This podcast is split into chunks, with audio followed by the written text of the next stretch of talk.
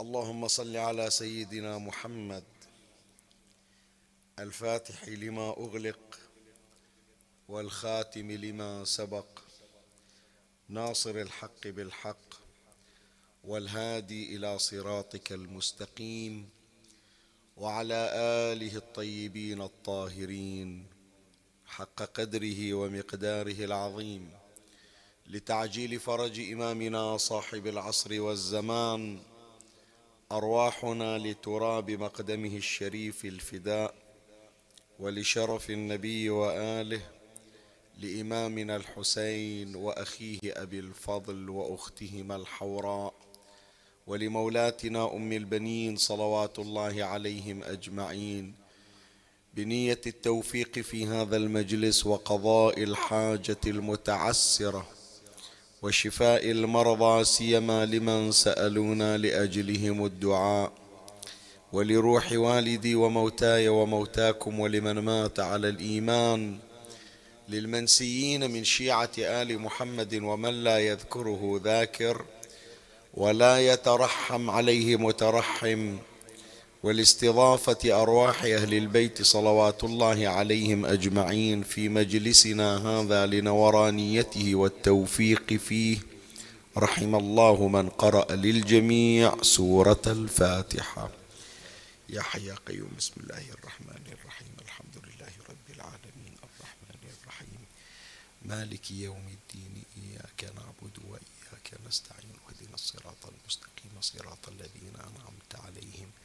غير المغضوب عليهم ولا الضالين. الحمد لله رب العالمين. بسم الله الرحمن الرحيم. قل هو الله أحد. الله الصمد لم يلد ولم يولد ولم يكن له كفوا أحد.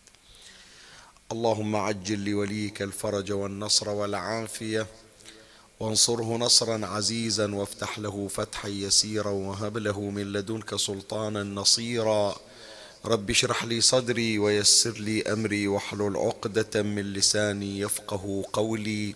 يا كاشف الكرب عن وجه أخيه الحسين. اكشف كربي بجاه أخيك الحسين. نادي عليا مظهر العجائب تجده عونا. لك في النوائب كل هم وغم سينجلي بولايتك يا علي. يا علي يا علي يا أبا الغوث أغثني. يا فارس الحجاز أدركني بلطفك الخفي ولا تهلكني. يا مولاتي يا فاطمة بنت محمد أغيثيني يا سيدتي. صلى الله عليك يا سيدي ويا مولاي يا رسول الله.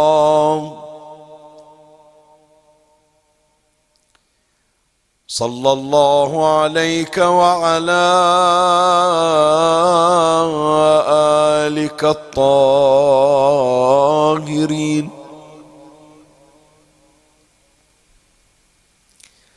فاز من اعتصم بكم وأمن من لجأ إليكم يا ليتنا كنا معكم. فنفوز فوزا عظيما. يا غريب يا مظلوم كربلاء. قبض النبي فأحرزت أعداؤه حق الوصي عداوة وتغلبا.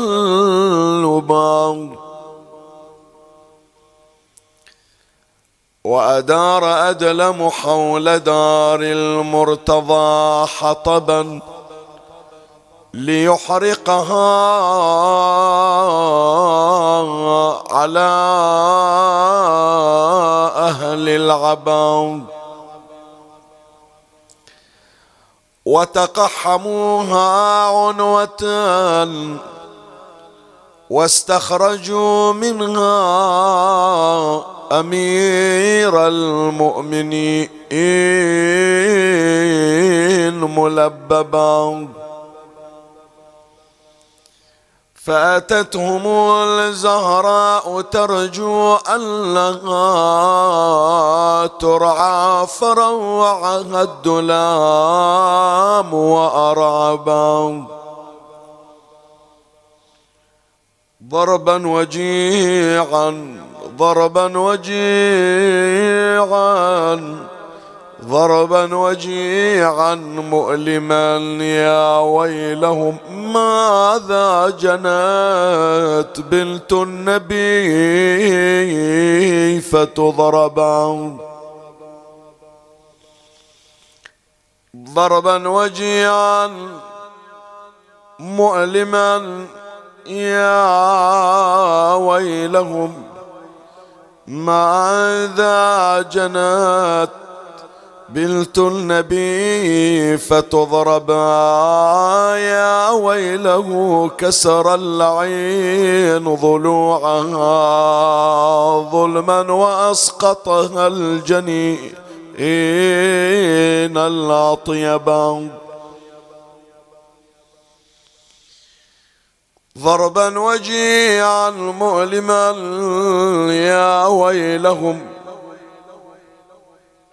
ماذا جنت بنت النبي فتضرب.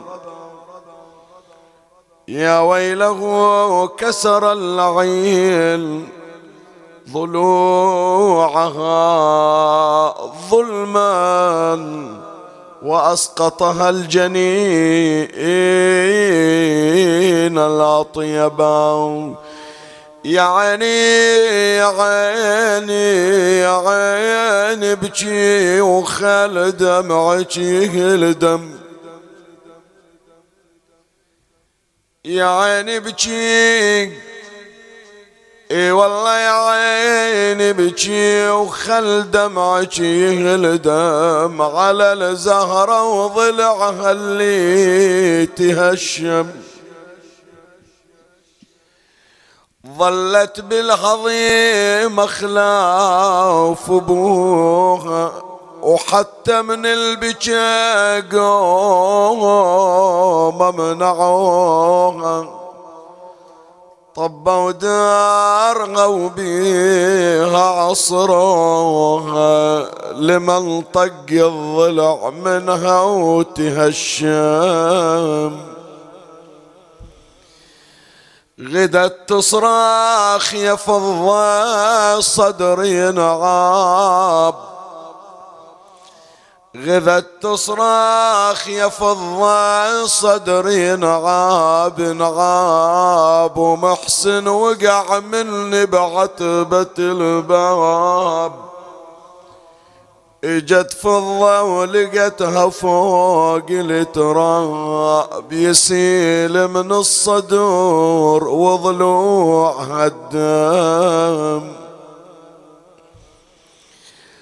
طبت دارها وظلت عليله جفنها من المرض ما غمض ليله طبت دارها وظلت علي لو جفنها من المرض ما غمض ليلة تروح القبر أبوها وتشتكي وهو بقبره وعلى الزهرة يتهضم ويلي طبت دارها وظلت عليلة جفنها من المرض ما غمض ليلة تروح القبور ابوها وتشتكي له وهو بقبره وعلى الزهرة يتهضم. من تسمع بذكر النبي الغادي اسمع على المنابر والنوادي. يطير القلب من عدها وتنادي يا أبويا يا أبويا عساني وياك ياخذني المحتم من تسمع بذكر النبي الهادي. اسمع للمنابر والنوادي. يطير القلب من عدنا وتنادي. عساني وياك ياخذني المحتم.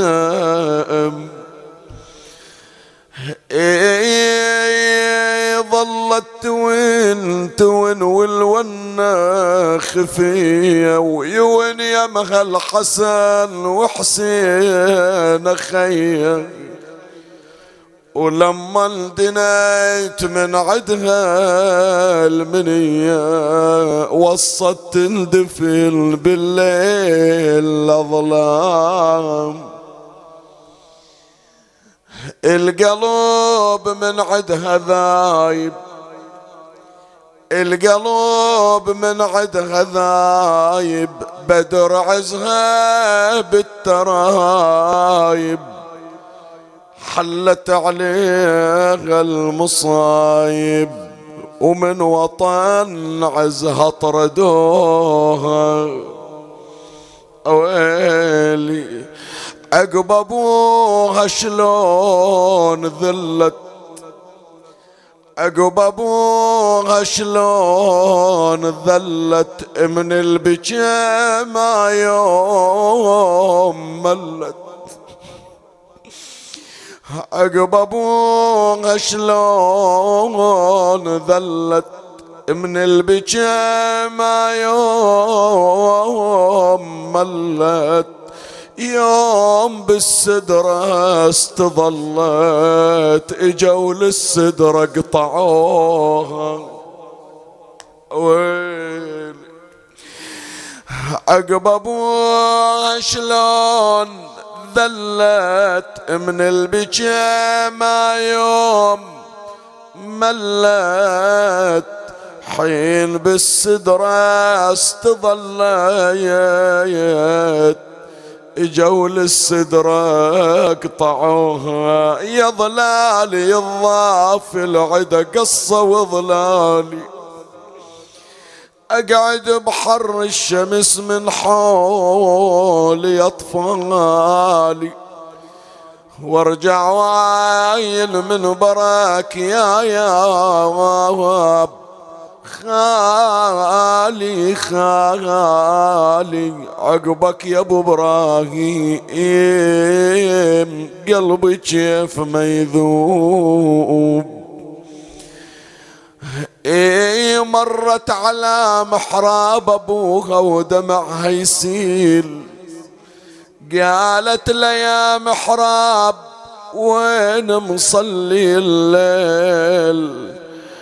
بالله يا هالمحراب قل لي وين لملاك لما أبويا بالصلاة توقف حذاك بالله يا منبر بالعجل بانوح وياك وببكي لحتى الدمع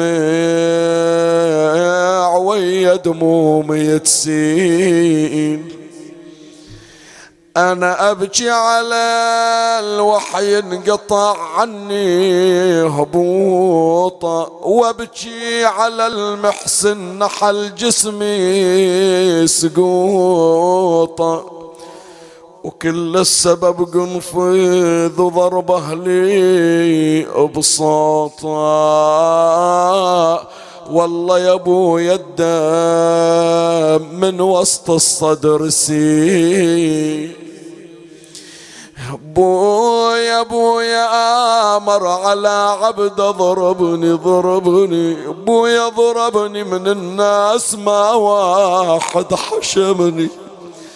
بويا يا ابويا يا ابويا ابويا من الناس ما واحد حشمني من كسر قلبه ولا رحمني. شالي دو على خدي سطرني يا أبو. إنا لله وإنا إليه راجعون. أعوذ بالله من الشيطان الرجيم. بسم الله الرحمن الرحيم. هو الذي بعث في الأمين رسولا منهم يتلو عليهم آياته ويزكيهم. ويعلمهم الكتاب والحكمة وإن كانوا من قبل لفي ضلال مبين. آمنا بالله. صدق الله مولانا العلي العظيم.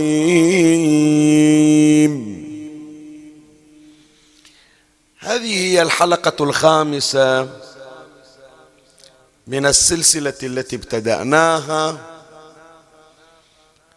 وهي معنونة بعنوان من أنوار السيرة المحمدية. وفي هذه الحلقة سوف نشير إلى أمر قلما يتعرض له. لا أقول أنه أمر مبتكر وإنما جمعه وتصنيفه يعد امرا جديدا. ولهذا وجدتم يا أحبائي أن عنوان هذه الحلقة هو محمد صلى الله عليه وآله وصدى الرحيل. أعيد عنوان هذه الحلقة محمد صلى الله عليه وآله وسلم وصدى الرحيل. عادة إذا فقدت شخصية مهمة يوثق أو توثق الحوادث والمجريات التي جرت في يوم رحيله. خصوصا الآن الكوادر الإعلامية تقوم برصد عملية التشييع عملية المواراه عملية الدفن. مجالس الفاتحة مثلا. الناس الذين ينهارون ويقعون ولا يمسكون ولا ولا يستطيعون أن يحافظوا على وقارهم واتزانهم لهول المصاب. عادة الإعلاميون يقومون برصد مثل هذه الظواهر وهذه الحوادث. طيب هل هناك شخصية أعظم من شخصية رسول الله صلى الله عليه وآله؟ فكيف تظن أن الناس عاشوا هذا الحدث؟ وماذا تظن جرى في المدينة المنورة في مثل هذا اليوم؟ الواقع حينما تبحث في أمهات الكتب والمصادر تقف على مجموعة من الحوادث المرصودة. يعني وثقت بعض الحوادث لكن قسم منها في مورد قسم آخر في مورد آخر تحتاج إلى جمع. فلهذا قمت بعمل هذه الحلقة التي تتحدث عن صدى رحيل رسول الله صلى الله عليه وآله. يعني ما جرى في المحيطين برسول الله في مثل هذا اليوم. فإن شاء الله أمر معك هذه الليلة لأنقل لك صورة هذا اليوم وما جرى فيه. وكيف تأثرت الدنيا بأسرها لفقدان شخصية بقامة وقيمة نبينا محمد صلى الله عليه وآله. هذا ما سوف أعرضه معك. وقد وضعت هذا المطلب وهذا الجامع في فصول ثلاثة أمر عليها تباعا أما الفصل الأول فهو التغييرات الكونية. اليوم تغيرت الدنيا بأسرها حدثت أمور لم يكونوا يعهدونها من قبل رحيل رسول الله صلى الله عليه وسلم. وهذه التغييرات فهم المسلمون من الصحابة أنهم كانوا لا يشعرون بها إلا بوجود رسول الله صلى الله عليه وآله يعني يتصورون بأن هذا الأمر هو أمر اعتيادي ثم علموا فيما بعد. بأنهم ما هم فيه ببركة وجود رسول الله صلى الله عليه وآله. وأن هذه البركة لما ارتفعت برحيل رسول الله صلى الله عليه وآله حدثت هذه التغييرات التي نعبر عنها بأنها تغييرات كونية. خلي أمر وياك على مجموعة منها. أول أمر حركة الأرض. اليوم بمجرد أن ارتفعت روح رسول الله صلى الله عليه وآله وقبضت روح النبي صلى الله عليه وآله. أحس المسلمون بأن الأرض تميد من تحته تميد هذا التعبير مادة الأرض يعني غير مستقرة. وكأنما استقرار الأرض كان ببركة وجود المصطفى صلى الله عليه وآله. أصلا الكون يا إخواني الكون استقراره ببركة وجود الحجة. فإذا مضى الحجة وجاء حجة آخر يعني رسول الله يمضي ثم يأتي علي علي يمضي ثم يأتي حسن. هذا الانتقال من حجة إلى حجة لابد أن يشعر الناس بأن استقرار الكون بأسر مو بس الأرض الكون السماء وما إلى ذلك ببركة وجود رسول الله صلى الله عليه وآله ببركة وجود أمير المؤمنين ببركة وجود الإمام الحسن. ثم يعيد الحجة اللاحق الإمام اللاحق الذي يأتي بعد الحجة السابق والإمام السابق الأرض بل الكون إلى توازنه. وهذا ما نعتقده لولا الحجة لساخت الأرض بأهلها. من هذا المنطلق يا إخواني يوم العاشر من المحرم لما قتل الحسين عليه السلام أحسوا بأن الأرض تنكفئ من تحتهم تميد من تحتهم. ثم دفعة واحدة استقرت الأرض. خلي قضية كسوف الشمس كسوف الشمس بقي لأربعين يوم. إمطار السماء دما بقي لأربعين يوم. لكن حركة الأرض مثل ما صار للنبي صلى الله عليه وسلم. صارت الأرض تضطرب. فلما جاءوا إلى خيمة الإمام زين العابدين عليه السلام وجدوه وقد وضع يدا على الأرض والأخرى أشار بها إلى السماء وقال يا أرض قري ويا سماء استقري فأنا حجة الله عليك. هذا اللي صار يوم العاشر اليوم صار لفقدان رسول الله صلى الله عليه وآله. هذا واحد من التغييرات التي جرت في هذا اليوم وهي من التغييرات الكونية أن الأرض ماتت لرسول. الأرض عفو أن الأرض مادت يعني تحركت ولم تستقر لموت رسول الله صلى الله عليه وسلم بعد يوم اجى النبي صلى الله عليه وآله إلى المدينة. هكذا ورد أن كل شيء أضاء بمقدم نبينا محمد صلى الله عليه وسلم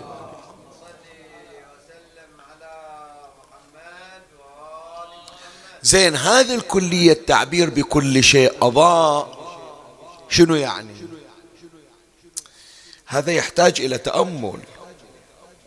هذا يحتاج إلى تأمل. شنو يعني كل شيء أضاء من تقرأ في مجموع الروايات كل شيء كل شيء بلا استثناء. الجدران مضيئة.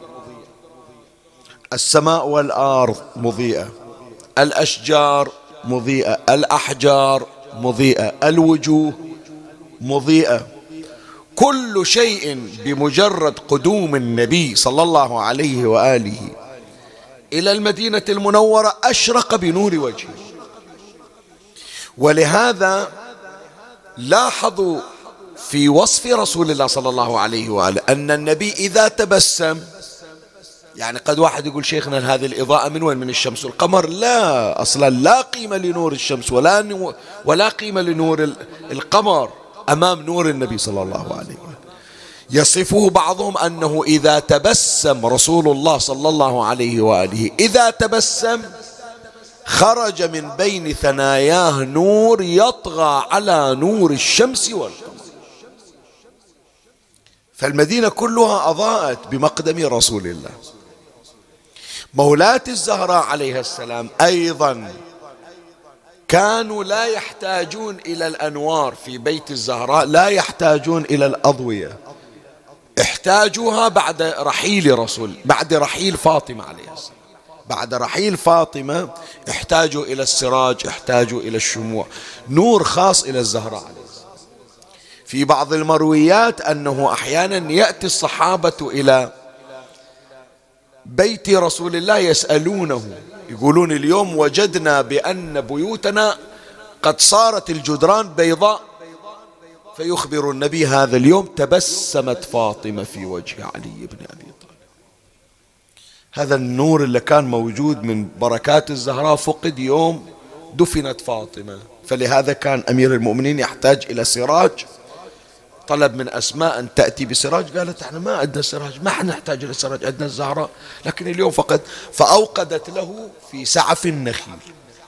زين النبي من اجى أضاءت المدينة بمقدمه. اليوم هكذا ورد في كتب السنة كتب أهل السنة فضلا عن كتبنا. أظلم كل شيء في المدينة. أظلم كل شيء في المدينة. فعلموا ب... يعني شنو أظلم كل شيء في المدينة؟ أنا خلي شوي أبين لك يعني. أنت جنابك شوف لما الدنيا تصير مغيمة موجود ضوء وتشوف لكن إذا انقشع الغيم وجاءت الشمس تحس بأنه كان الضوء تحت ظل الغيوم ظلام. مو تمام؟ وكأنما الشمس من أشرقت صار ضوء إضافي. فمن تجي الغيمة مرة ثانية من تجي السحب تشوف الدنيا ظلمة هي مي ظلمة. اللي عايشين في بلد مثل بريطانيا وغير بريطانيا دائما غيوم هناك وسحب. الشمس من تجي كأنما ضوء مضاعف. عندنا إحنا عند الخليج اللي دائما الشمس موجودة هذا الأمر اعتيادي بالنسبة لنا. لكن ذاك اليوم يمكن تصير احتفالات عندهم يوم الشمس يسمونه. تمام؟ أهل المدينة كان عندهم ضوء مضاعف. هذا الضوء المضاعف من وين جاي؟ من نور نبينا محمد صلى الله عليه وآله. اللهم صل على محمد وآل محمد. فالنور الاعتيادي الذي جاء هل أنه نور اعتيادي فأحسوا بالظلمة لكن واضح في الروايات لا. أنه ظلام دامس بحيث أن بعض الكتب وصفت يعني من مصادر أهل السنة يقول حتى ابن الأثير يقول حتى أن الرجل لا يرى الرجل الآخر وهو إلى جانبه. بل أكثر من هذا يمد يده فلا يرى يده لأنه فقد نور النبي صلى الله عليه وسلم. فكان كل شيء مضاء ببركة نور النبي وهذا النور غيب فأظلمت الدنيا بحيث لا يرى البعض البعض الآخر ولا يرى الواحد يده وهو يقربها لظلمة الدنيا بعد رسول الله. زين بعد نكران القلوب هذا من ضمن الأشياء الكونية اللي صارت اليوم. شلون؟ خلنا شوي يعني نستوعب الأمر أكثر. أنت إذا الله رزقك ليلة جمعة عند قبر الحسين عليه السلام. اللهم ارزقنا.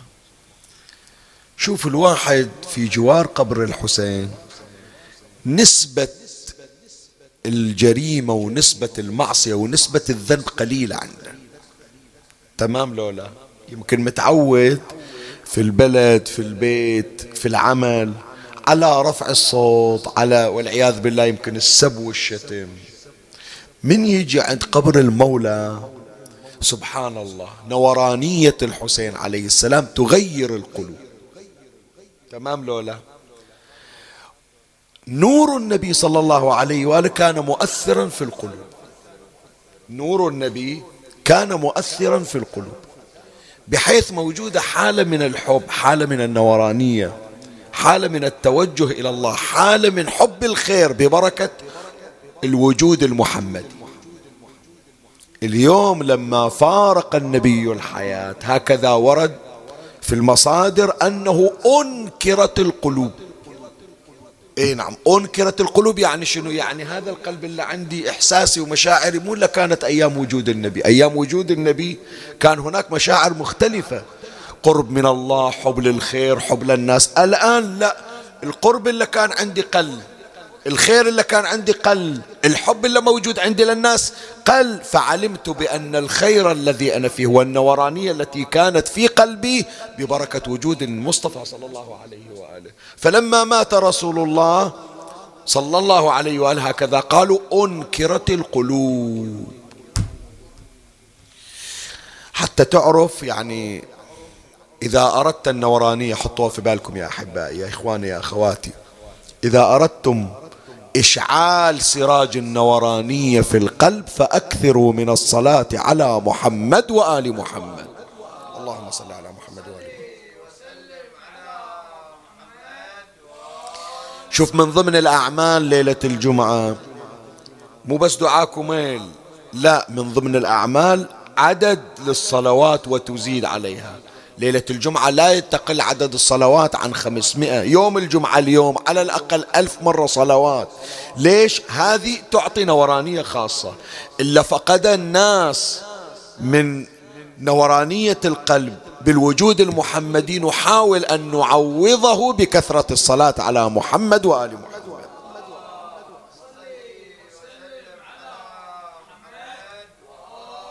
هي واحدة من الآثار أنه كانت هناك نورانية ببركة الوجود فلما فارق النبي الحياة أنكرت القلوب. يذكرونها في الروايات أنكرت القلوب. بعد هذه من أغرب الروايات اللي مرت علي. ما بعمري قارنها إلا أول مرة أقرأها. في الروايات روايات سنية طبعا مو روايات شيعية. أن الصلاة خلف رسول الله صلى الله عليه وآله يعني الوجود المحمدي يرزق الإنسان أو يرزق الإنسان حضور القلب. فالروايات اللي واردة يقولون بأنه المسلمون لما كانوا يصلون وراء النبي صلى الله عليه وآله. الواحد ما يقدر أن يرى أكثر من موضع قدمه. من يحضر في الصلاة يصلي عند النبي صلى الله عليه وآله يصير عنده حالة خشوع. ما يقدر ما يقدر عينه ما تروح إلا في موضع قدمه ببركة وجود رسول الله صلى الله عليه وآله. اليوم يوم توفي النبي يوم استشهد رسول الله صلى الله عليه وآله شافوا المسلمين أنفسهم بعضهم يتلفت يمين ويسار وبعضهم قام يطالع مني فعلم بأن حضور القلب كان في زمن النبي ببركة وجوده الطاهر. فلما ارتفع هذا الوجود فقدت هذه الحالة النورانية من خشوع الصلاة. وهذا أيضا يا إخواني جربوها إن شاء الله تبشرونا جربوها يا أولادي يا بناتي. إلا طلبتون تقولون شلون يصير عندنا حالة حضور قلب في الصلاة؟ جرب قبل الصلاة حضر نفسك قلب الصلاة قبل الصلاة. مو تجي عقب الأذان وتجي مستعجل لا. قبل وقت الصلاة هيئ نفسك كن على وضوء اجلس على مصلاك. خلي لنفسك عدد معين مئة مرة مثلا صلوات بنية حضور القلب. وانظر إلى أثر نبيك محمد صلى الله عليه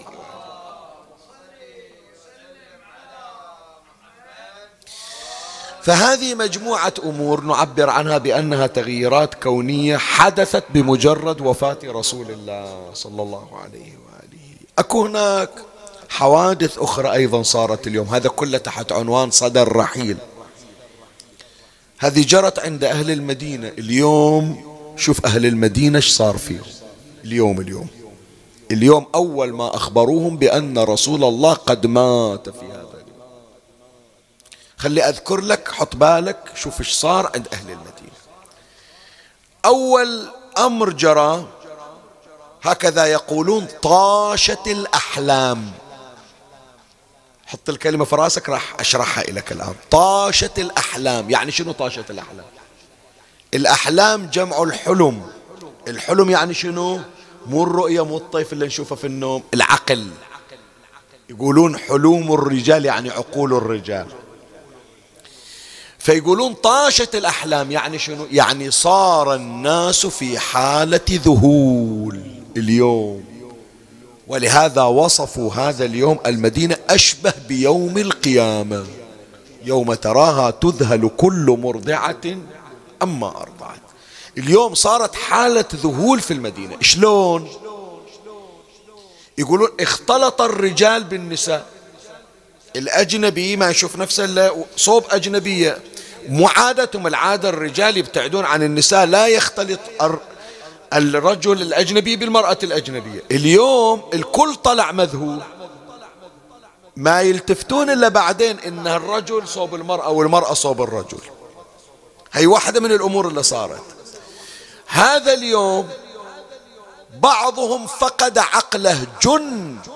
عقب أيام يقولون هذا فلان كان عاقل. شو اللي جننه؟ يقولون فقد عقله لما سمع بموت رسول الله انجن انجن عقله راح. اليوم بعض الأشخاص جنوا وفقدوا عقولهم. وذاكرنهم بعضهم مذكورين بالأسماء. ترجع إلى كتاب تاريخ الخميس للشيخ حسين الديار بكري. هذا من مصادر أهل السنة. وأيضا في كتب أخرى يقول بعض الأشخاص فقدوا عقولهم بيعبر عنهم بهذا التعبير. أخبل أخبل يعني شو تخبل يعني إحنا نقول. عقله راح. شنو السبب؟ قال من سمع أن النبي فارق الحياة فقد عقله. تدري اليوم إيش صار في المدينة اليوم؟ بعضهم طلع قال منو قال لكم محمد مات؟ بعضهم قال بأن محمد كموسى ابن عمران. موسى غاب عن قومه أربعين يوم والنبي اليوم راح في غيبة أربعين يوم عقب أربعين يوم راح يجينا مو مصدق أن النبي مات. بعضهم قال لا محمد كعيسى ابن مريم راح إلى السماء خرايح معراج من قبل بيرد يرجع إلينا. البعض الآخر قام يهدد أن سمعت واحد يقول بأن محمد مات أقتله. أقطع يديه ورجله. فيقولون أصيب بعضهم بالجنون بمجرد أن سمعوا أن رسول الله صلى الله عليه وآله قد فارق. البعض الآخر أخرس لسانه. هذا كله طاشت حالة الذهول اللي صارت. شلون؟ يريدون يتكلم ما يطلع صوت من عنده ما يطلع. يقولون يجودونه يجودون أولاده ما يدل طريقة وما يعرف يتكلم. يومين ثلاثة يريد يحكي ما يعرف يحكي. عقب يومين قدر يتكلم. قبل يومين ليش ما أتكلم يقول نزلت علي مصيبة رسول الله فأخرست لساني. هذا من ضمن الذهول الذي وقع على أهل المدينة لرحيل رسول الله صلى الله عليه وسلم. من ضمن ما جرى أيضا بعض الأشخاص يقولون ما قدروا يمشون قعدوا على الأرض. يجون لهم قوموا يقولون ما من سمعنا بالمصيبة أقعدتهم مصيبة النبي على الأرض. هذا من ضمن ما جرى من ذهول على أهل المدينة. بعد اليوم إيش صار في المدينة؟ عند المسلمين. كل الرجال والنساء يحثون التراب على رؤوسهم. كل واحد سمع بموت رسول الله ياخذ التراب يحث على رأسه. هذا الرجال النساء شلون؟ خلينا نشوف النساء شلون. سائر النساء كلهم اجتمعنا عند بيت رسول الله. يعني صار بيت رسول الله مثل الكعبة. وهكذا ورد وهن يلدمن الوجوه. يعني كل واحدة تجرح بوجهها تجرح بخدها حزنا على فراق رسول الله صلى الله عليه وسلم. أهل المدينة يعني إلا من الأنصار النساء الأنصاريات النساء المدنيات. ما نحكي عن إلا من مكة أو من اليمن لا. اللي أصلها من المدينة هذول أهل المدينة عندهم حب إلى النبي منقطع النظير. أكثر من أي بلد آخر. الأنصاريات عاشقات لاسم محمد صلى الله عليه وآله. تدري إيش صار فيهم ذولا؟ نساء أهل المدينة. يعني الكلمة جدا غريبة يا إخواني بس أذكرها لك النقل التاريخي. يقول ونساء الأنصار ذبحت حلوقهن من العويل. أعيد الكلمة. ذبحت حلوقهن من العويل. شنو يعني ذبحت حلوقهن من العويل؟ شايف لو واحد يقعد يصارخ ويصير عنده جفاف تلتهب الأحبال الصوتية من الالتهاب يطلع من عنده ويا اللعاب شنو؟ دم بمقدار قطرات. من حشاكم يبصق اللعاب اللي يطلع لأن عنده التهاب فحلقة متجرح يطلع شيء من الدم ممزوج باللعاب. هذا يصير طبعا. بس يقول هذول مو جرحت حلوقهم. ذبحت حلوقهن يعني من كثرة الصراخ على رسول الله اللي يطلع من حلوقهم دم عبيط. تقطع تقطعت الحناجر من الصراخ على رسول الله في هذا. اي نعم هذا اللي عبروا عنه اليوم عن نساء الأنصار. ذبحت حلوقهن من العويل. بعد نساء النبي شلون؟ نساء النبي اليوم كل واحدة تاخذ جلبابها وتخليه على راسها. يعني تتقبع مثل ما يقولون. وصرن يلدمن صدورهن. يعني كل واحدة تجرح صدرها حزنا لفراق رسول الله صلى الله عليه وسلم. هذا اليوم أهل المدينة. زين. خلنا نجي الآن إلى المطلب الأخير وهو ختام الباحث. عرفنا التغييرات الكونية. عرفنا الحالة العامة إلى أهل المدينة. الخواص شلون؟ المقربين من رسول الله شلون؟ خلنا نشوف المقربين من رسول الله. أول واحد من المقربين منه جبرائيل. جبرائيل ترى اليوم بعد عند ماتم جبرائيل هذا هو النبي يقول أخي جبرائيل. النبي يحب جبرائيل وجبرائيل يحب النبي. فلما وجد جبرائيل بأن رسول الله قد فارق الحياة إيش سوى اليوم جبرائيل؟ تدري إيش سوى؟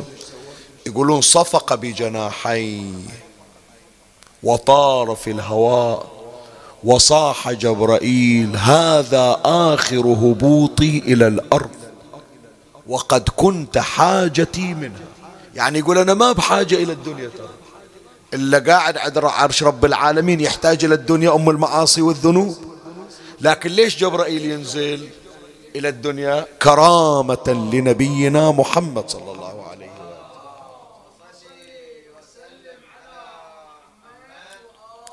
يقول أنا أنزل إلى الدنيا أخلي الجنة وأخلي عرش الله لأنك أنت أثمن الموجودات وأنت أنفسها وأنت سيد الكائنات. فأنا أتعنى لك وأجيك. الآن أجي الدنيا علما بعد.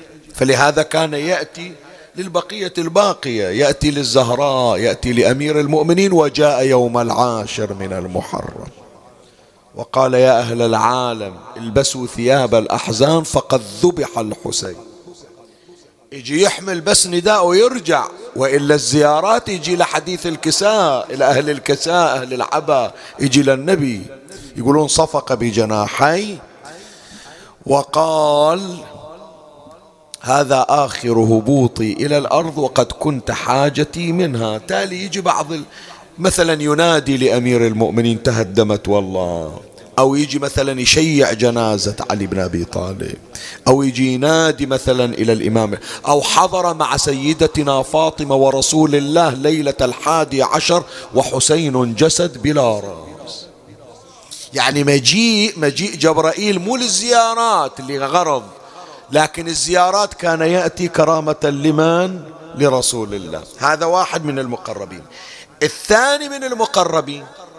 هذه يمكن بعضكم أول مرة يسمع عنها هذا خادم إلى رسول الله صلى الله عليه وآله. وقد سماه النبي سفينة. اسمه شنو؟ سفينة. هذا تقراها في مصادر أهل السنة يذكرون اسمه. وهم إحنا عندنا نفس الرواية أيضا موجودة. أم سلمة زوجة النبي صلى الله عليه وآله اشترت لها عبدا وأرادت أن تعتقه. قالت أنا أريد أعتقك وتصير حر بس لكن بشرط تريد تظل عبد لو تريد الحرية قال أريد الحرية. قال إذ قالت له إذا تريد الحرية بشرط. شنو الشرط؟ قالت أن تكون خادما لرسول الله صلى الله عليه وسلم إذا تريد تصير خادم لرسول الله أنا أعطيك الحرية أنت حر لوجه الله قال أتمناها أصير خادم. منو يعوفها هذه فاعتقته أم سلمة. وكان هذا الغلام يكنى بأبي عبد الرحمن. والتصق برسول الله صلى الله عليه وآله. عشق النبي حب النبي. من النبي يروح مكان ودائما وياه يقول يمكن يحتاج إلى شيء. يمكن النبي يريد شغلة يكون أنا حاضر.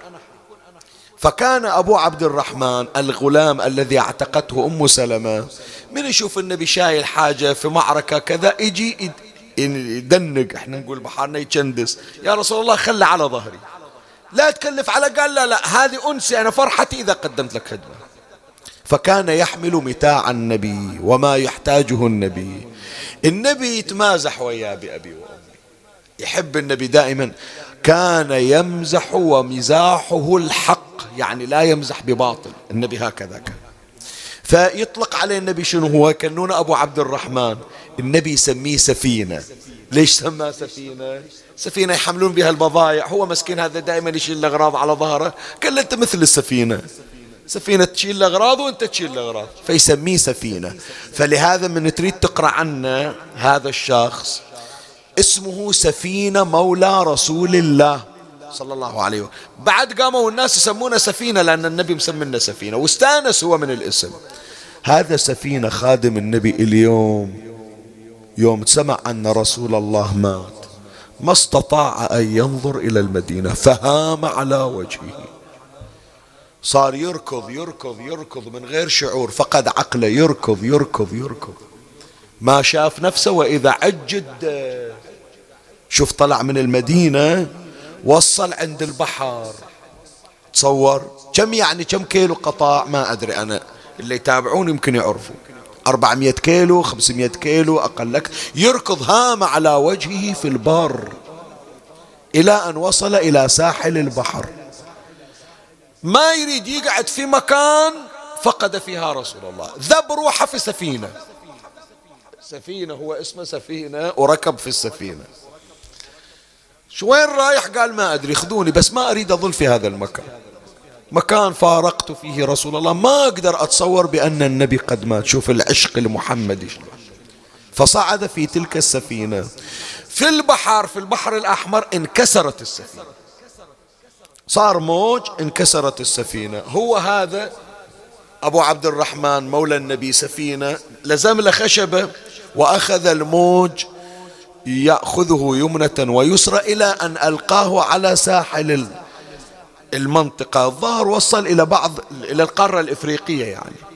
أول ما وصل تعبان تو يمشي على ساحل البحر وإذا به يرى أسدا مفترسا قد جاء ويريد أن يلتهم. قام يأشر هو هذا. قال يا أبا الحارث العرب يسمون الأسد أبا الحارث يكنون بأبي الحارث. قال له يا أبا الحارث أتعلم من أنا؟ أنا سفينة مولى رسول الله أنا خادم النبي. ترى لو أنا النبي بعد على قيد الحياة ما تركت خدمته لكن لما سمعت عن موت رسول الله ما لزمت نفسي. وهربت من الجزيرة العربية حزنا عليه. وانكسرت بي السفينة وألقتني على شاطئ أرضكم. وانت الآن جاي تلتهمني ترى أنا خادم النبي. فلما سمع الأسد باسم محمد صلى الله عليه وآله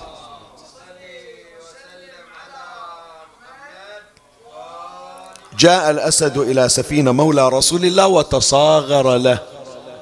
وصار يشير إليه برأسه أن يصعد على ظهري أنت تعبان وكذا. فأخذه الأسد كرامة للنبي.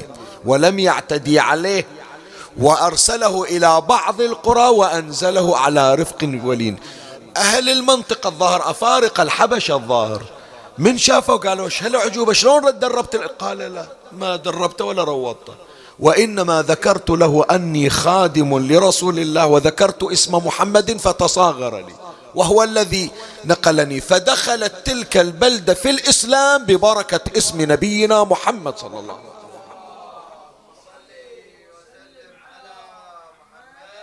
هذا من ضمن الحوادث التي جرت اليوم. هام بعض المسلمين على وجه ما قدروا هاموا. شوف إيش قد عشق النبي وفراق النبي ترى مو شوية إيه ونعم زين بعد من المقربين برسول الله صلى الله عليه وآله هذا ختاما يعني انتهينا. زين من ضمن المقربين من رسول الله منه بلال مؤذن النبي. بلال عاشق لرسول الله رسول الله أنجاه من موت محقق لعبوا به لعب في مكة. عذبوه أيما تعذب.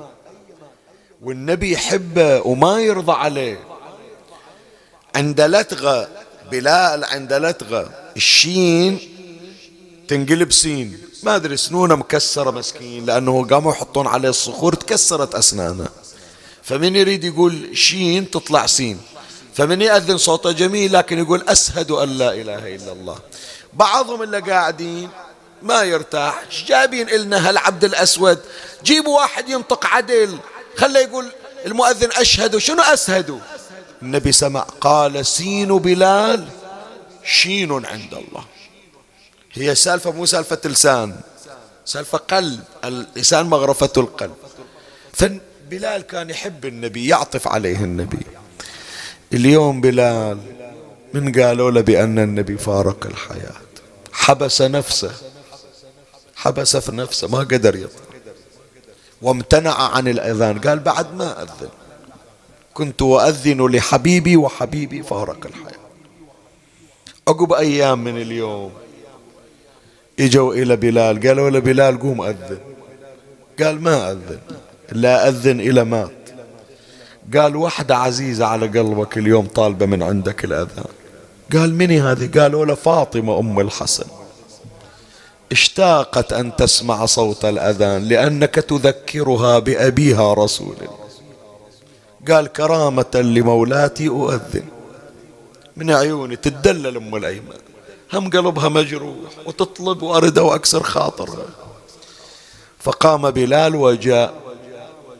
ووقف عند باب بيت فاطمة وقالت بلال أينكم إني أشتهي أن أسمع صوت الأذان. قال لها إن شاء الله مولاتي. ألا. ما كان وقت صلاة. بس تلبية إلى رغبة مولاتي فاطمة. صعد بلال على سطح المسجد وصاح الله أكبر. الضحى هذا بعد ما صار. بس سمعوا صوت بلال هاجت بالمسلمين المشاعر والأحاسيس. صارت الدموع تجري. صاح أشهد أن لا إله إلا الله. على الصراخ من المسلمين. كانهم يترقبون طلعة النبي من حجرته الآن للصلاة؟ فلما قال بلال أشهد أن محمدا رسول الله. شوية وإذا واحد جاي قال له بلال اسكت. اسكت نزل انزل من على السطح انزل. قال خلي أكمل الأذان. قال أي تكمل الأذان؟ ماتت فاطمة بنت محمد. زهرة واقفة على الباب من سمعت الصوت. أشهد أن وقالت يا أبتاه اسمك على المنابر وشخصك في المقابر.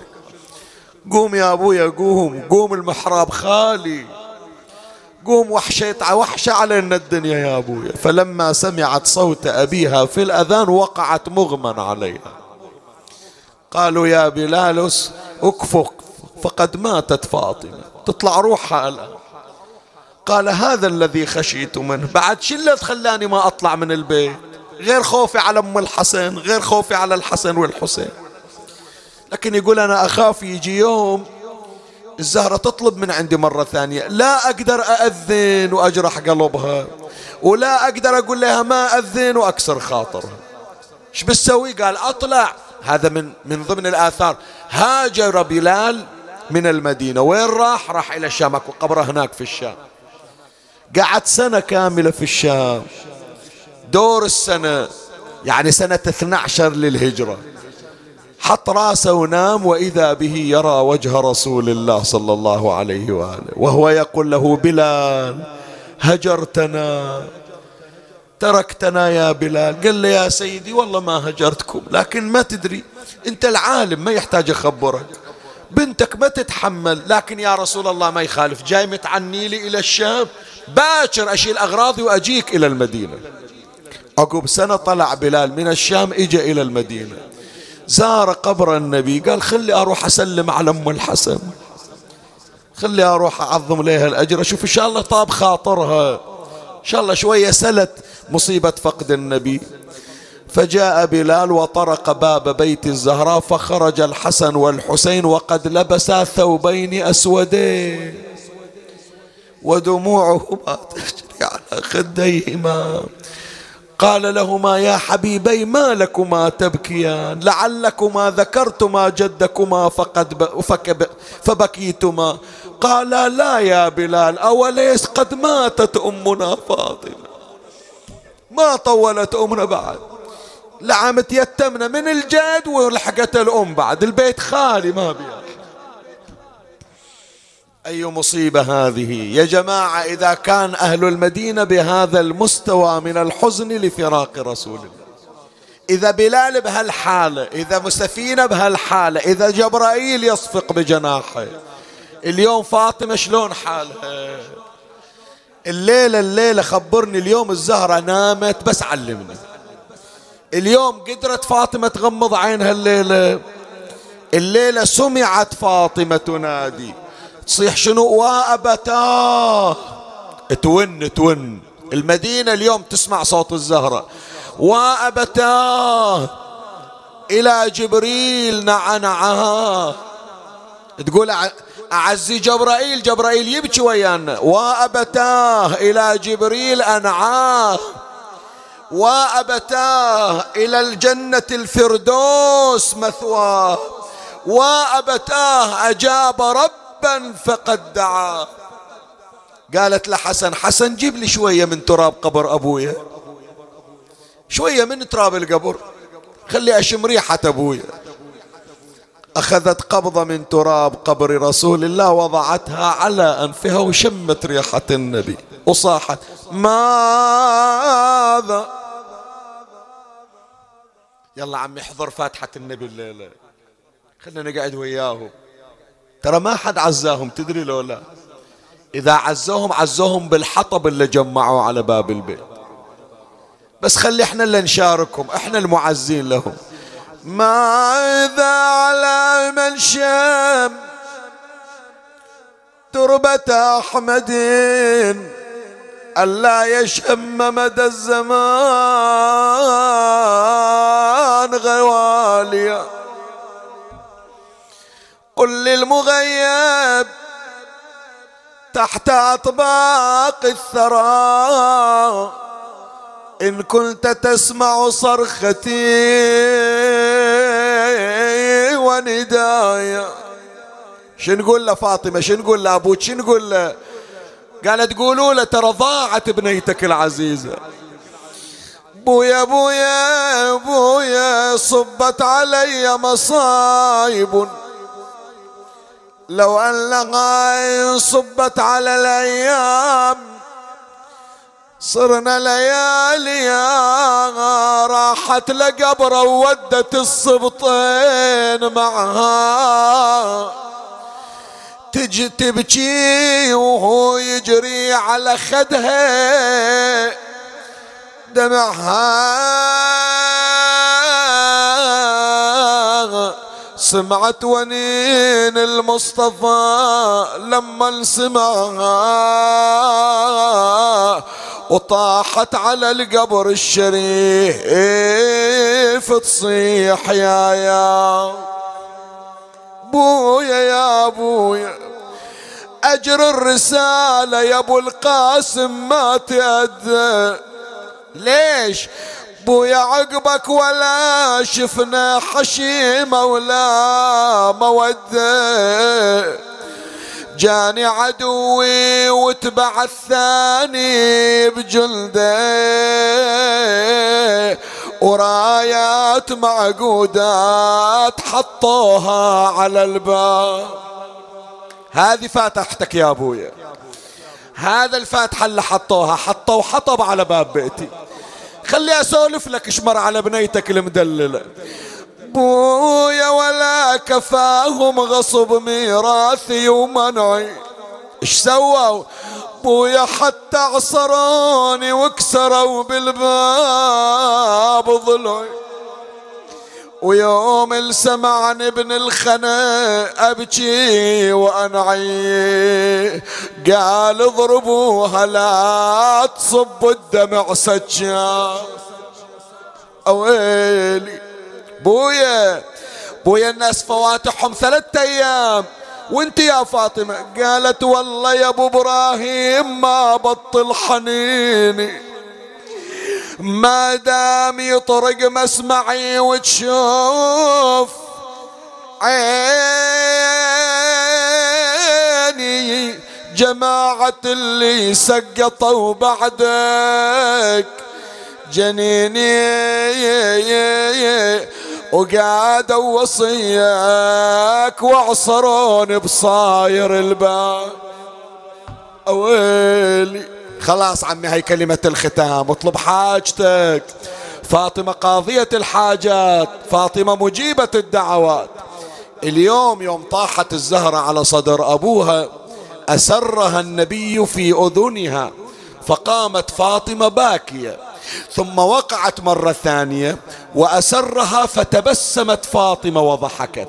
سألتها بعض النساء بكيتي وضحكتي؟ قالت بلى نعى إلي نفسه. فبكيت زين ليش ضحكتي؟ قالت أخبرني أني أول أهل بيته لحوقا. ما بطول بروح وياه. وصدق خمسة وسبعين يوم بس ما زادت. عقب خمسة وسبعين يوم طلعت روح فاطمة وراحت للجنة وإجت روح النبي تستقبلها. كان يسألها النبي فاطمة هذه اللي خمسة أصابع على عيونك. إيش هالجرح اللي بالصدر فاطمة؟ أشو إيدك على الخاصرة؟ إيش دعوة بعدك بالثمانية عشر سنة؟ شو مغير إنك يا زهرة؟ صاحت علامة يا علامة يا أبويا نشر حزنك على راسي. علامة يا أبويا ودمدم عيني. يعني من تنزل الدمعة ما تنزل بيضة حمرة تنزل من عيونها. علامة علامة إلا إلى حاجة من الزهرة خليه يصيح علامة. علامة يا ابويا بخدي سوت السطرة سوت السطر علامة يا ابويا أجيك وشوف شنو صار بي. إي أنا اجيك وشوف شنو صار يا يا يا. آه آه يا ربي. بويا بس غبت يا عزي وشاني عدوك إلى بيتي جاني. أبويا لانكسر قلبه ولا رعاني لا رعاني. إيش سوى؟ يا أبويا سطرني على عيوني وعماني ولفع هذا كالزنيم بلطمة على صفحة الخد الأسيل الموردي ولا تسلني خبر المسمار. سل صدرها خزانة الأسرار. ومن سواد متنها اسود الفضاء. يا ساعد الله الإمام مرتضى والأثر الباقي كمثل الدملج في عضد الزهراء أقوى الحجج ورض تلك الأضلع الزكية رزية ما مثلها. اللهم صل على محمد وآل محمد. أمن يجيب المضطر إذا دعاه ويكشف السوء أمن يجيب المضطر إذا دعاه ويكشف السوء أمن يجيب المضطر إذا دعاه ويكشف السوء يا محمود بحق محمد يا عالي بحق علي يا فاطر بحق فاطمة يا محسن بحق الحسن يا قديم الإحسان بحق الحسين يا رب العالمين بالأئمة المعصومين يا أكرم الأكرمين بجاه أبي الفضل وأمه أم البنين. اقض حوائجنا يا الله.